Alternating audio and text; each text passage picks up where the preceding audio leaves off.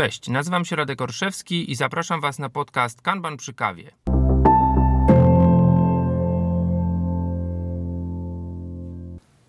Witam Was wszystkich bardzo serdecznie w kolejnym odcinku podcastu Kanban przy kawie. Zgodnie z zapowiedzią, dziś wracamy do przeglądu, do prezentacji praktyk metody Kanban. E, dzisiejszy odcinek będzie poświęcony trzeciej z nich, nazwanej po angielsku Managing Flow, a więc zarządzaniu przepływem. Zanim zanurkujemy w rzekę przepływu, można tak powiedzieć, to chcę podzielić się feedbackiem co do feedbacku. To nagranie powstaje, czy nagranie tego odcinka powstaje w kilku sesjach. Ta wstęp, o dziwo, po tegorocznej konferencji Agile by Example e, w Warszawie. Przy okazji e, tej konferencji miałem okazję poprowadzić zarówno warsztat z symulacją systemu Kanban, jak i E, wygłosić prelekcję dotyczącą e, tematu poprzedniego odcinka, więc upstream Kanbanu, ale była to też to okazja do spotkania e, kilkunastu osób, które słuchają tego podcastu. I chciałem serdecznie podziękować wszystkim, którzy podzielili się z informacją zwrotną od siebie na temat tego, że po pierwsze tego słuchacie, bo jest to szalenie pomocne dla mnie, żeby wiedzieć, że ci ludzie, którzy, że, że w ogóle są ludzie, którzy tego słuchają, tak, że to nie są jakieś boty, które klikają gdzieś tam w SoundCloud i, i podbijają statystyki. Oraz historie, którymi się dzielicie, tak? A więc y, zarówno te, te trochę humorystyczne historie o tym, że słuchacie tego w samochodzie i jako, że znacie mnie albo mój głos, to chcecie, chcecie macie taki, e, łapiecie się na tym, że chcecie odpowiedzieć. E, nie ma w tym nic śmiesznego. E, wydaje mi się, że to też jest dobry sygnał, żeby powiedzieć, jeśli macie coś do, do powiedzenia do odcinka, to, to proszę dajcie znać, tak? Ja jestem dostępny na, na dużej, dużej liczbie mediów społecznościowych, tam, tam można mnie znaleźć. Historia o tym, że słuchacie tego podcastu przy prasowaniu czy, czy zmywaniu, absolutnie nieśmieszne, pełen szacun. Ja też słucham swoich ulubionych podcastów, czasami właśnie albo prasując, albo czyszcząc jakiś zestaw gry po warsztacie, tak? Bo wtedy nasz umysł jest trochę zrelaksowany, na czymś skupiony, a z drugiej strony bardziej otwarty na, na przyswajanie tej wiedzy, więc, e, więc super. Już jakąś mega historią jest to, że ktoś słucha tego podcastu w Nowej Zelandii. Pozdrawiam i dziękuję za, za informację. Także jeśli, jeśli przynosi Wam to wartość, e, tak jak kilka osób powiedziało, że użyło może jakichś paraleli czy, czy, czy porównań z e, tego, o czym opowiadam e, u siebie w pracy, dawajcie znak, to, to daje olbrzymią, olbrzymią dawkę, dawkę energii. Czym jest ten przepływ? Zastanawiałem się, jak do tego podejść, jak to ugryźć, i mam takie wrażenie, że przepływ jest trochę jak powietrze, tak? To znaczy, jeśli jest, to właściwie nie odczuwamy ani jego braku, ani jego zapachu, ani, ani e, tego, że jest nam potrzebny do życia. Kiedy go nie ma, no to się dusimy, to kaszlemy, to, to wtedy wiemy, że coś z nim jest nie tak. I mam wrażenie, że z przepływem jest bardzo podobnie. Jeśli przepływ wartości, przepływ pracy przez nasz, nasz system istnieje, to właściwie no, nie ma się do czego przyczepić. E, może tego nawet nie widać. Natomiast kiedy tego przepływu nie ma, to zaczynają się problemy.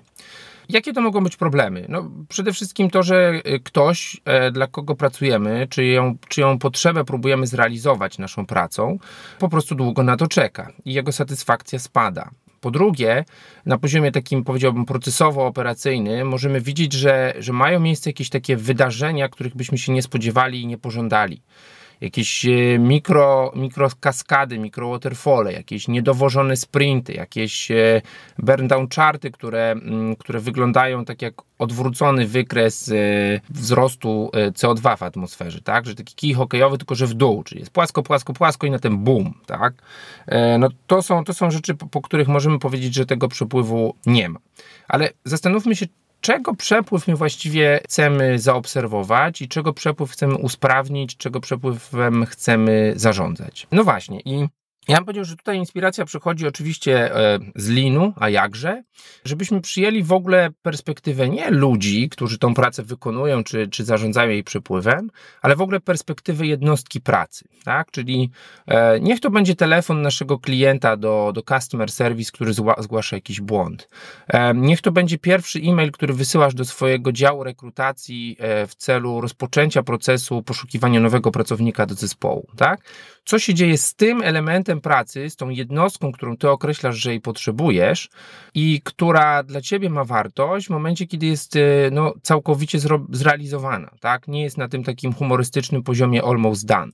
Albo to, że ona jest w toku, no, nie przynosi ci jeszcze żadnej wartości. I tutaj bym powiedział, jeśli od tego zaczniemy, to dojdziemy do takiego konceptu, który w Kanbanie nazywamy jakby najmniejszą jednostką rozpoznawalną przez użytkownika.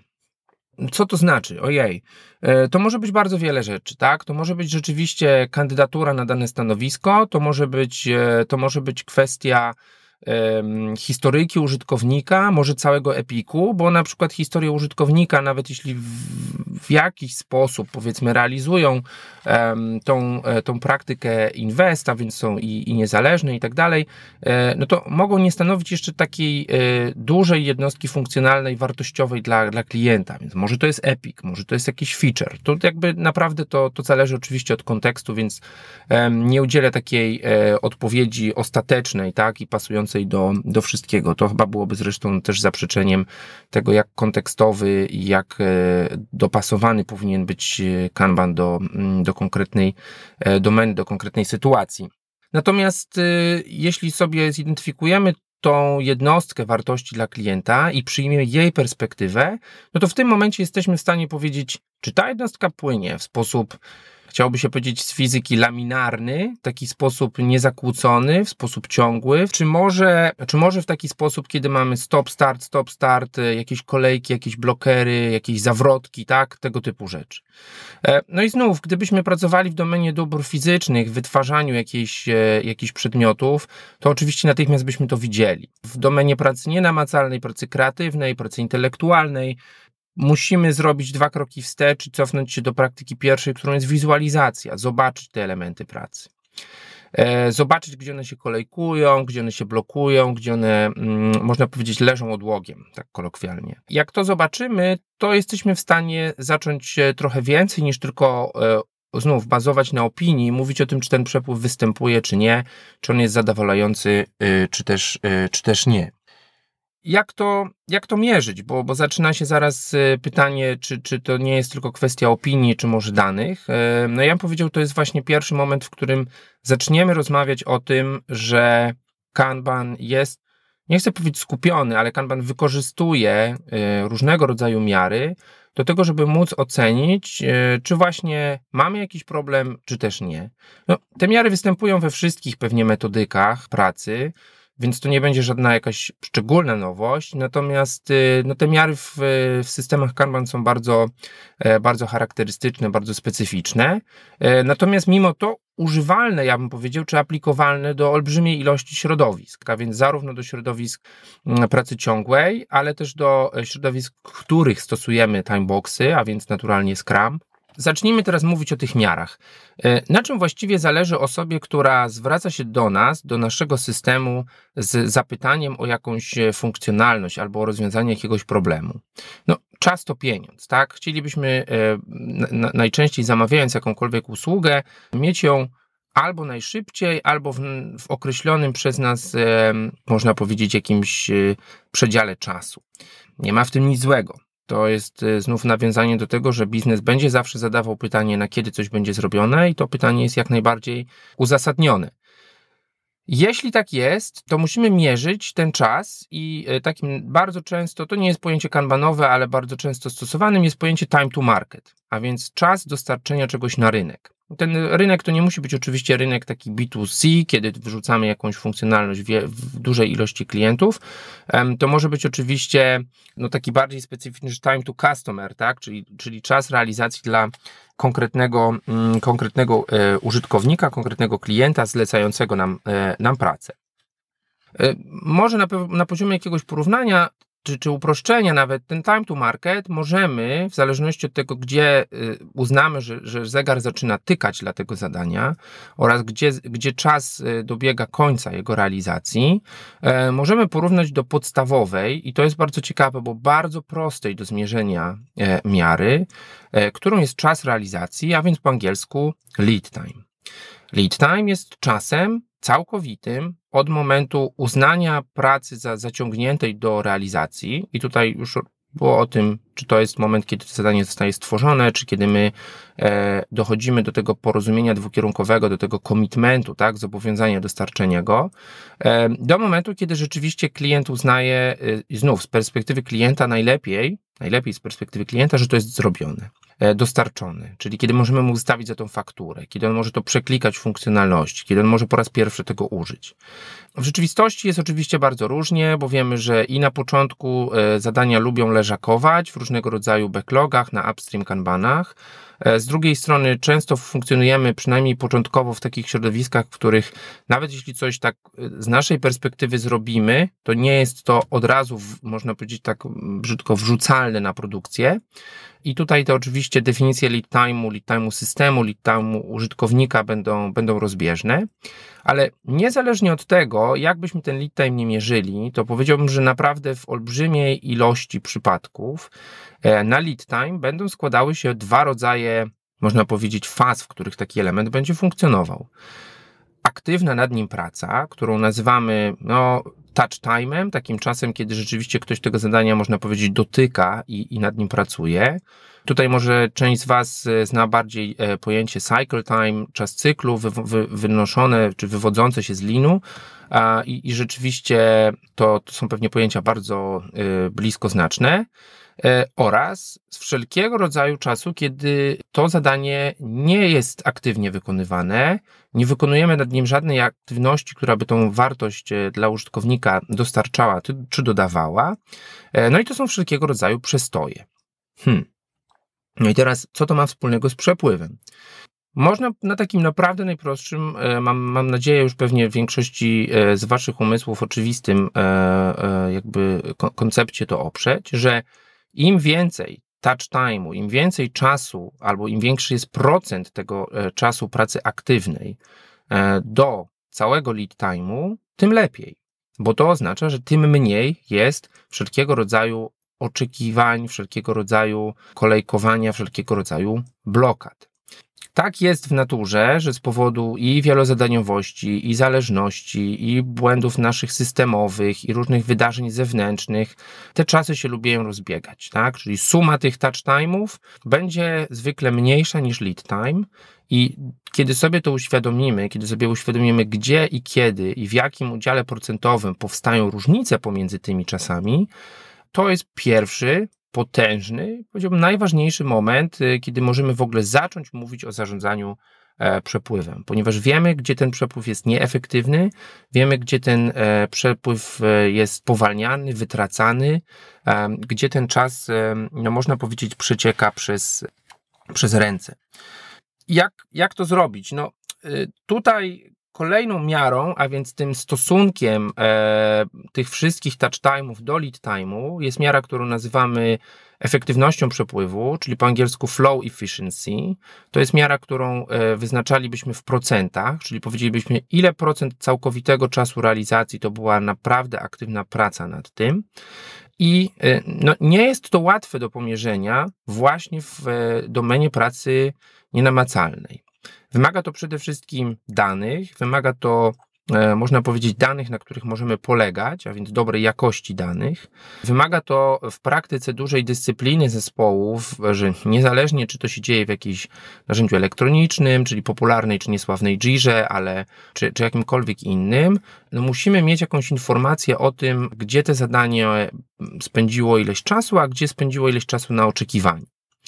I tutaj znów wizualizacja i zbudowanie odpowiednio podzielonego workflowu, a więc takiego przepływu pracy, kiedy jesteśmy w stanie rozróżnić, że to zadanie nie było w toku przez że to zadanie nie było w toku przez 8 dni, tak na dobrą sprawę, tylko może przez dwa i tutaj gdzieś czekało, jest możliwe do uzyskania dzięki temu, że będziemy te zadania po prostu e, sensownie przenosić między tymi stanami, między tymi kolumnami, że stworzymy też kolumny czy stany, które będą odzwierciedlały te kolejki, tak? E, no bo jeżeli dana osoba zaangażowana w pracę, mówiąc wprost, nie ma gdzie pokazać, nie ma jak zaznaczyć, że to zadanie oczekuje, e, no to automatycznie no jakby przekłamie rzeczywistość i wygenerujemy w ten sposób nieprawdziwe dane. To jest, to jest zresztą bardzo częsty wzorzec, muszę powiedzieć, kiedy zaczynam pracować z jakimiś zespołami, że no, no dobra, mamy dane, mamy narzędzia, ale no po prostu są niewiarygodne, tak? E, jak, jak możemy z tego e, wyjść, tak? Więc tu, tu potrzebna jest świadomość tego, że te miary są, można powiedzieć, zbierane po to, żeby zarządzać pracą, a nie kontrolować za, zajętość ludzi. No i że możemy coś z tym zrobić, jeśli te dane mamy i te dane mamy dobrej, dobrej jakości.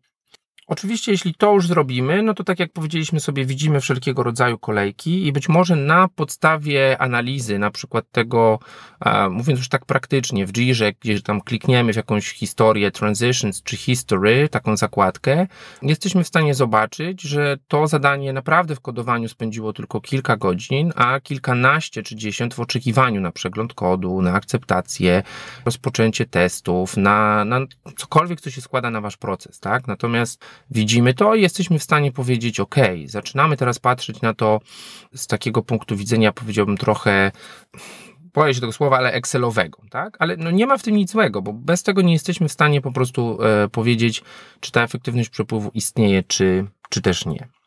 Chcę tutaj powiedzieć o, o dwóch e, rzeczach. Jedną jest pułapka, a więc trochę odniesienie do tego czasy przepływu, czego my mierzymy.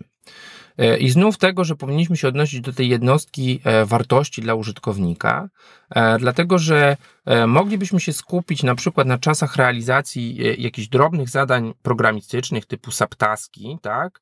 No ale niestety Często te subtaski to jest y, tylko i wyłącznie coś, co jest tworzone przez deweloperów na potrzeby swoje, żeby rozpisać sobie jakby złożoność zadania, e, pewną jakąś sekwencję pracy, która musi zostać wykonana. I to, że wykonamy dużo tych zadań szybko, niekoniecznie musi się zawsze przekładać na to, że cała jednostka pracy zostanie dostarczona, tak? Możemy mieć tutaj znów pułapkę lokalnych optimów, a więc tego, że deweloper, czy tester, czy analityk, czy, y, czy, czy, czy rekruter będą bardzo aktywni, ale to zadanie straci gdzieś e, ten przepływ e, dalej, tak? Cała jednostka pracy, przepraszam, straci przepływ, czy ten przepływ będzie zakłócony gdzieś dalej.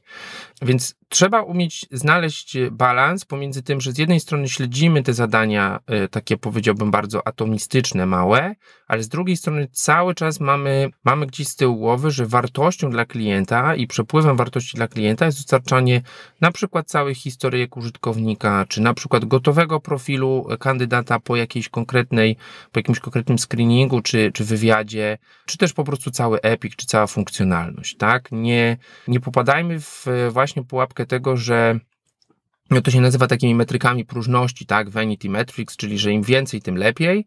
E, no moglibyśmy powiedzieć, że produkujemy dużo tych subtasków i one szybko idą i one na nic nie czekają, ale jak one składają się na całość, tak? I tu musimy znowu popatrzeć na, na end to end, tak? Czy na ten time to market, na ten lead time od początku do końca. To jest coś, co niestety w bardzo wielu organizacjach gdzieś, e, gdzieś ginie to jest jakby pułapka, natomiast chcę powiedzieć, że w momencie, w którym zaczniemy sobie śledzić e, przepływy i efektywność tego przepływu, odkryjemy coś bardzo potężnego, co można powiedzieć odkłamuje pewien z mitów kanbanu. Otóż e, prawie przy każdej okazji, kiedy daję jakieś takie wstępne wprowadzenie do kanbanu, chociażby teraz na, na polskim Coach Campie, e, to ktoś mówi, a czy te zadania muszą być równe, jak one nie są równe, to jak my możemy budować te prognozy? Jasne, to jest bardzo intuicyjne, powiedziałbym, e, spostrzeżenie. No i teraz jest takie pytanie. Jeśli mamy dwa zadania o bardzo różnej, takiej deklaratywnej pierwszej złożoności czy czasochłonności, czyli wiemy, że jedno zadanie jesteśmy w stanie zrobić w dwie godziny, a drugie zadanie w 10 godzin, ale okazuje się, że czas realizacji obydwu zadań w całości wynosi 20, to teraz spróbujmy to policzyć, tak? Jeśli, jeśli dwie godziny aktywnej pracy są tak na dobrą sprawę jedynie tym momentem wytwarzania wartości, ale z powodu jakichś przystojów to zadanie jest realizowane w 20 godzin, no to 2 przez 20 to jest 10, czyli mamy 10% efektywności e, przepływu, tak? Jeśli mamy zadanie, które, czy może być zrealizowane, przepraszam, w 10 godzin, no to 10 przez 20 to jest 50%. No to już byłby naprawdę bardzo, wysoki, e, bardzo wysoka efektywność przepływu. No ale teraz po, popatrzmy na to, że te zadania dla klienta mogą być realizowane właśnie w bardzo podobnych czasach, czasach całkowitej dostawy. I teraz ja bym powiedział, że tak długo, jak e, się nie skupimy na tym, żeby usuwać te, te przystoje, tak długo to, czy zadania są naprawdę bardzo porównywalne albo bardzo podobnie czasochłonne, staje się naprawdę drugorzędnym problemem. Jeśli się wy, wyzbędziemy tych przystojów i rzeczywiście to, to, to zobaczymy na tych przepływach, to już idąc dalej, może trochę głębiej, moglibyśmy zbudować różne polityki traktowania tych zadań, odpowiednią komunikację różną dla klienta i tak dalej, i tak dalej. I rzeczywiście po prostu no, znów na drodze ewolucji zmienić to w ty, tych, tych kilka praktyk, tych, czy kilka rzeczy mm, operacyjnych w firmie, w naszym zespole, ale znów powiem, Rzadko widzę, żeby zespoły czy organizacje były już w takich, e, przynajmniej na wejściu, w takich komfortowych sytuacjach. Tak? Zwykle to niestety jest właśnie to, że e, i zadanie krótkie, i zadanie długie mają bardzo często no, duży balast tego oczekiwania e, i one się w tym momencie pod kątem lead time'u no, bardzo do siebie zbliżają. Tak? I, i, i tutaj y, to jest bardzo nieintuicyjne, ale no, proponowałbym to sobie, to sobie pomierzyć. Tak? Czyli ile trwa wrzucenie czegoś właśnie w postaci całego lead time'u, całego time to marketu, a nie tylko i wyłącznie e, jaka jest deklarowana czy ostateczna czasochłonność tego zadania, bo to nie, nie, o, to, nie o to klientowi chodzi. To jest też ciekawy case w przypadku software house'ów, czy takiego modelu time and material, kiedy klient e, płaci za zalogowane godziny.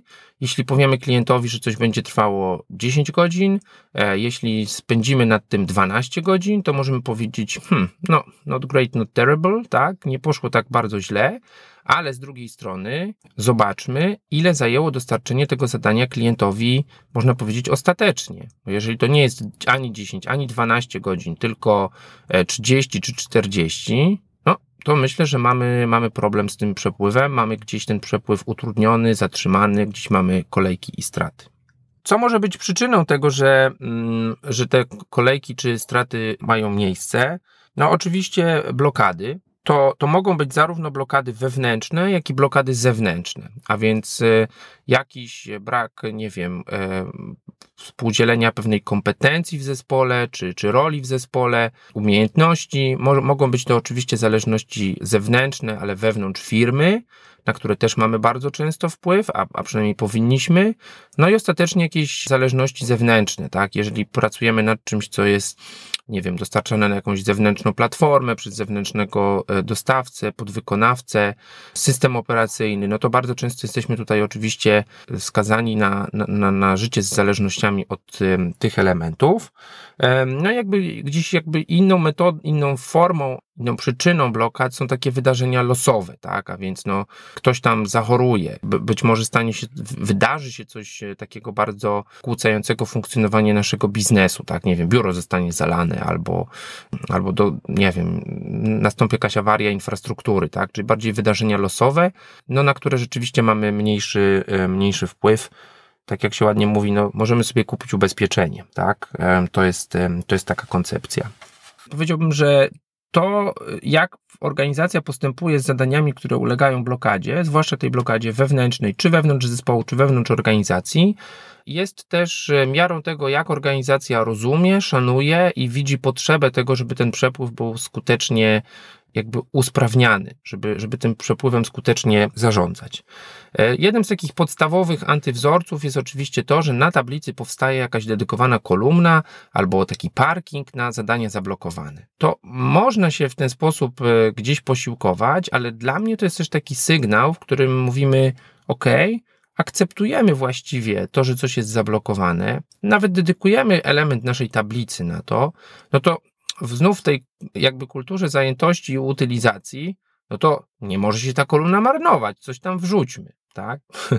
No, to może teraz brzmi, że, że trywializuję, ale naprawdę mam wrażenie, że, że tak to działa w bardzo wielu zespołach, e, nie tylko kanbanowych, pracujących z kanbanem, że jest coś zablokowane, ok, mamy na to procedurę, to wpada tutaj. I, i to właściwie jest koniec, tak? Ktoś niech się tym zajmie, nie? A musimy poczekać i tak dalej. To jest z definicji bardzo niebezpieczne podejście, no bo rzeczywiście możemy po prostu poczuwać się do tego, że wykonaliśmy należycie naszą pracę, przesuwając coś do, do, do kolumny zablokowane. I to się spina, powiedziałbym, z takimi bardziej głębokimi konceptami w Kanbanie o tym, że e, właściwie chcemy, żeby ludzie samoorganizowali się wokół przepływu pracy, e, wokół dostarczania tej pracy, E, nie chcemy budować na siłę ról kogoś, kto jest właśnie jakimś takim szeryfem, flowmasterem, tak? E, kimś, kto, kto będzie odpowiedzialny za realizację, można powiedzieć, odblokowań,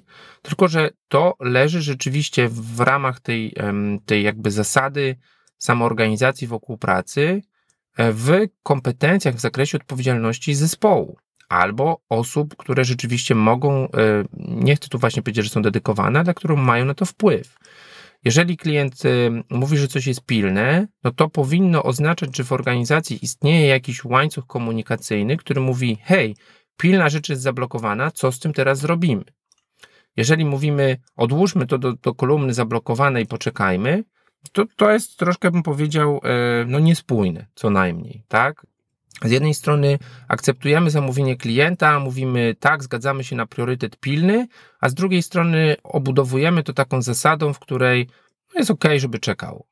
Ja wiem, łatwiej powiedzieć niż zrobić, oczywiście, macie rację, ale wydaje mi się, że naprawdę w bardzo wielu, bardzo wielu przypadkach to jest kwestia no, tego mindsetu, tego nastawienia na to, czy, czy, czy zablokowane to jest w ogóle dopuszczalny stan, czy to jest dobry stan i, i też jakby braku tych jasnych polityk, co robimy, kiedy zadanie jest zablokowane. To jest może już trochę zapowiedź kolejnego odcinka, bo kolejną e, praktyką metody Kanban jest właśnie budowanie tych jasnych zasad, explicit policies. I tutaj, kiedy coś jest zablokowane, to powinniśmy wiedzieć, co się dzieje, co, co powinniśmy teraz zrobić. I teraz y, taka znów wrzutka z, ze świata mm, produkcyjnego, ze świata lean. Rzeczywiście, tak bardzo jak to jest nie, nieprawdopodobne, w bardzo wielu fabrykach, począwszy od Toyoty, istnieje ten system Andon, a więc system linki, kiedy jeśli którykolwiek z pracowników widzi problem, czy jakościowy, czy problem właśnie jakiejś blokady, e, to na swoim stanowisku pracy ma, nie wiem, przycisk czy linkę, która zatrzymuje całą linię produkcyjną. Bo w tym momencie wiemy, że nie ma sensu produkować dalej rzeczy ze złą jakością, albo nie ma sensu nadprodukowywać rzeczy, bo one gdzieś dalej się za moment skolejkują, bo mamy problem na jakimś stanowisku pracy. Są oczywiście takie przypadki, gdzie, gdzie ludzie też tak postępują, tak? Dojrzałe zespoły programistyczne, w których e, czerwony build powoduje, że wszyscy jakby odpychają swoje krzesła od biurek, tak? I mówią, OK, zróbmy coś z tym. Nieważne nawet kto to zrobił, tak? Jesteśmy za to współodpowiedzialni jako zespół. No ale bardzo często jest niestety w drugą stronę, czyli dobra, zablokowane, ktoś się tym zajmie, właśnie odłoży to na później i tak dalej, i tak dalej.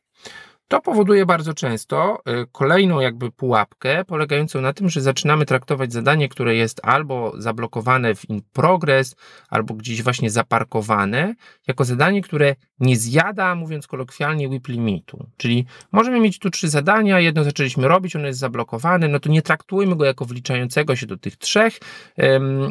Poczekajmy tam aż, aż za tydzień czy dwa ono zostanie odblokowane, może ktoś tam wróci albo, albo coś zrobi. E, ja teraz zacznę coś, coś e, następnego, coś nowego, tak? No nie.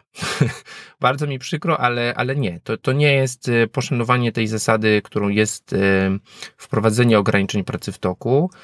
To jest no, pierwszy, bym powiedział, z poważnych grzechów, żeby ten system napuchł takimi zadaniami, żeby zadania się starzały, żeby, żeby te zadania naprawdę mm, nie płynęły. Także tu bardzo duża uwaga. Czy, wy wiem, czy my wiemy w zespołach, e, czy my wiemy w organizacji, co się dzieje w momencie, w którym zadanie jest e, zablokowane? O tych przyczyn, e, przyczynach zablokowania pewnie będzie kiedyś mowa przy okazji takich spotkań jak SDR, czyli Service Delivery Review, gdzie zwykle dokonujemy takiej głębszej analizy tego. Ale padło przed chwilą stwierdzenie o starzeniu się zadania i tu chcę powiedzieć, że poza pomiarem lead time'u, poza pomiarem tego, tej efektywności przepływu, czyli flow efficiency, to czas powiedzieć o czymś takim jak wiek zadania w toku, a więc coś, co po angielsku nazywamy WIP age, Work in Progress Age. No właśnie, w momencie, kiedy wiemy, gdzie zaczynamy liczyć lead time dla danego zadania, e, a więc e, kiedy mówiąc kolokwialnie zegar zaczyna tykać, wiemy w którym momencie e, jesteśmy w, danej chwili, tak, ile upłynęło czasu i to jest obecny WIP age, to jest obecny czas, to jest obecny wiek tego zadania, zadania w toku. Wiek zadania w toku możemy liczyć oczywiście globalnie, a więc rzeczywiście od momentu, kiedy zegar zaczyna tykać przez wszystkie kolejne stany i on ostatecznie stanie się lead time'em, tak? Ale możemy go też liczyć na każdą konkretną no mówiąc tutaj już tak obrazowo, kolumnę, tak? Czyli ile to zadanie czasu spędza w jakiejś analizie, ile to zadanie spędza czasu w, e, nie wiem, przeglądzie na przykład profilu kandydata do ogłoszenia, ile to zadanie spędza czasu w kodowaniu czy w code review, ile to zadanie spędza czasu w oczekiwaniu na rozpoczęcie jakichś testów? I tak dalej, i tak dalej. E, jakiś czas temu na swoim blogu e, za, zamieściłem taki wpis o tym, jak to w praktyce robić, także w opisie odcinka postaram się wrzucić link do, e, do tego blog postu.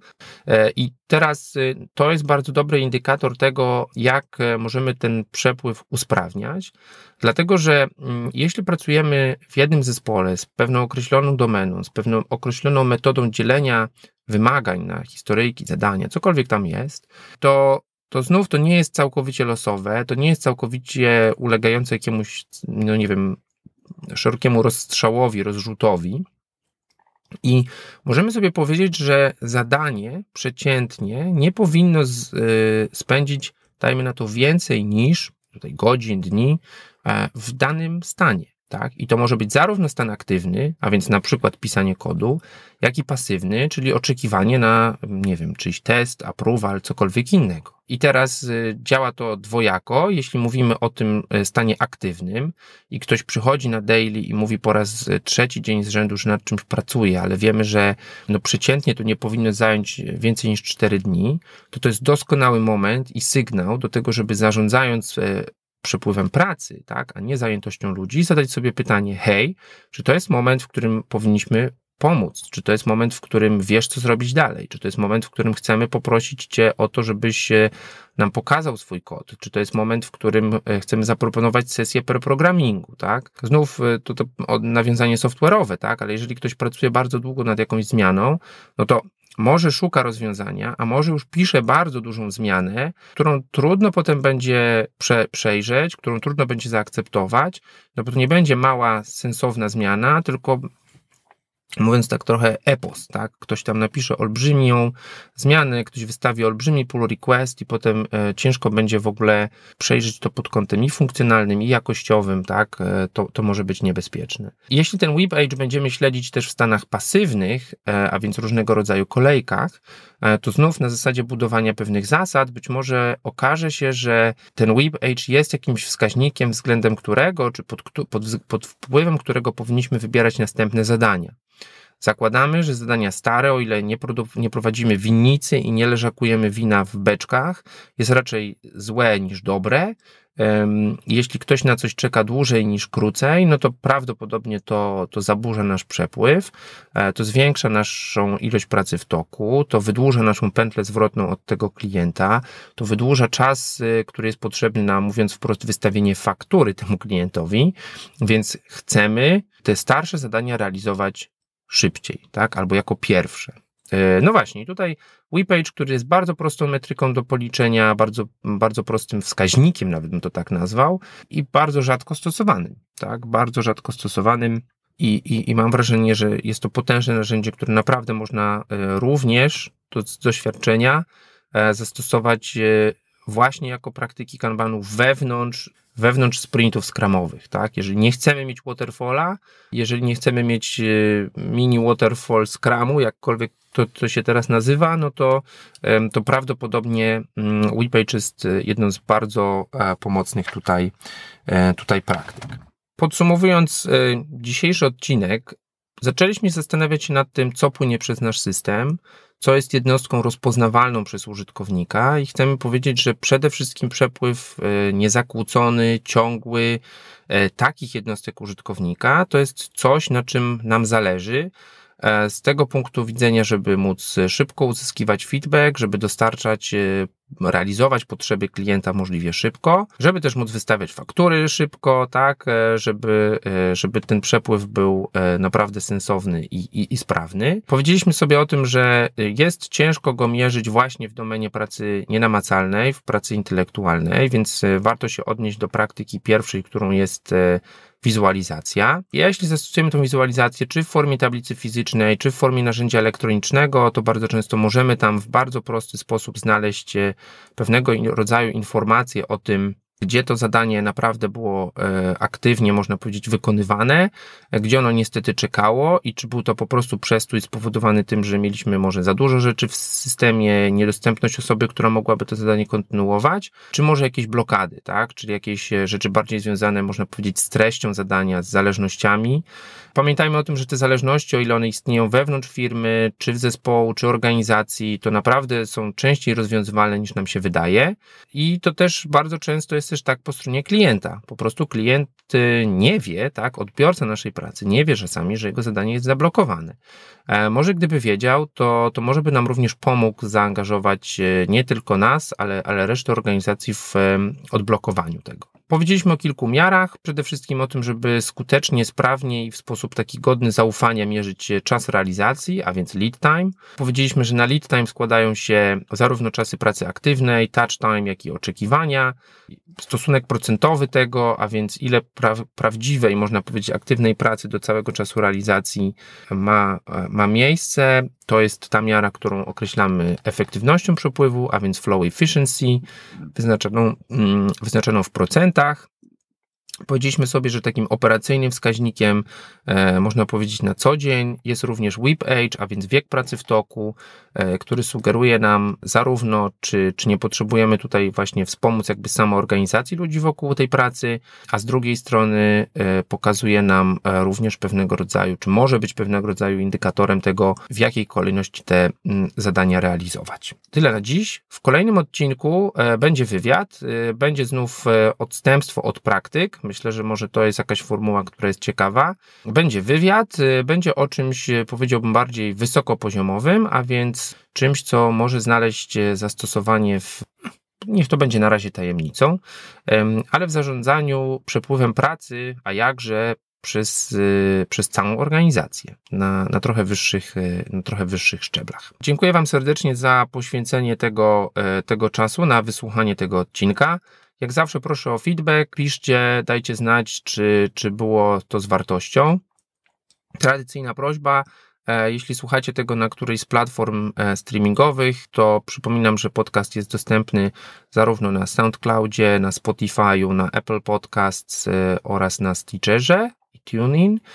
Jeśli macie tam konto, jeżeli jesteście w stanie tam kliknąć jakąś gwiazdkę, łapkę, napisać pozytywny komentarz, bardzo serdecznie do tego zapraszam, no bo to oczywiście zwiększa szansę, że ten podcast y, znajdzie się gdzieś wyżej w statystykach i inne osoby również go znajdą, e, więc pozwolimy innym cieszyć się tym, co wy znajdujecie ciekawe w kanbanie przy kawie. Dzięki raz jeszcze, pozdrawiam, mówił Radek Orszewski.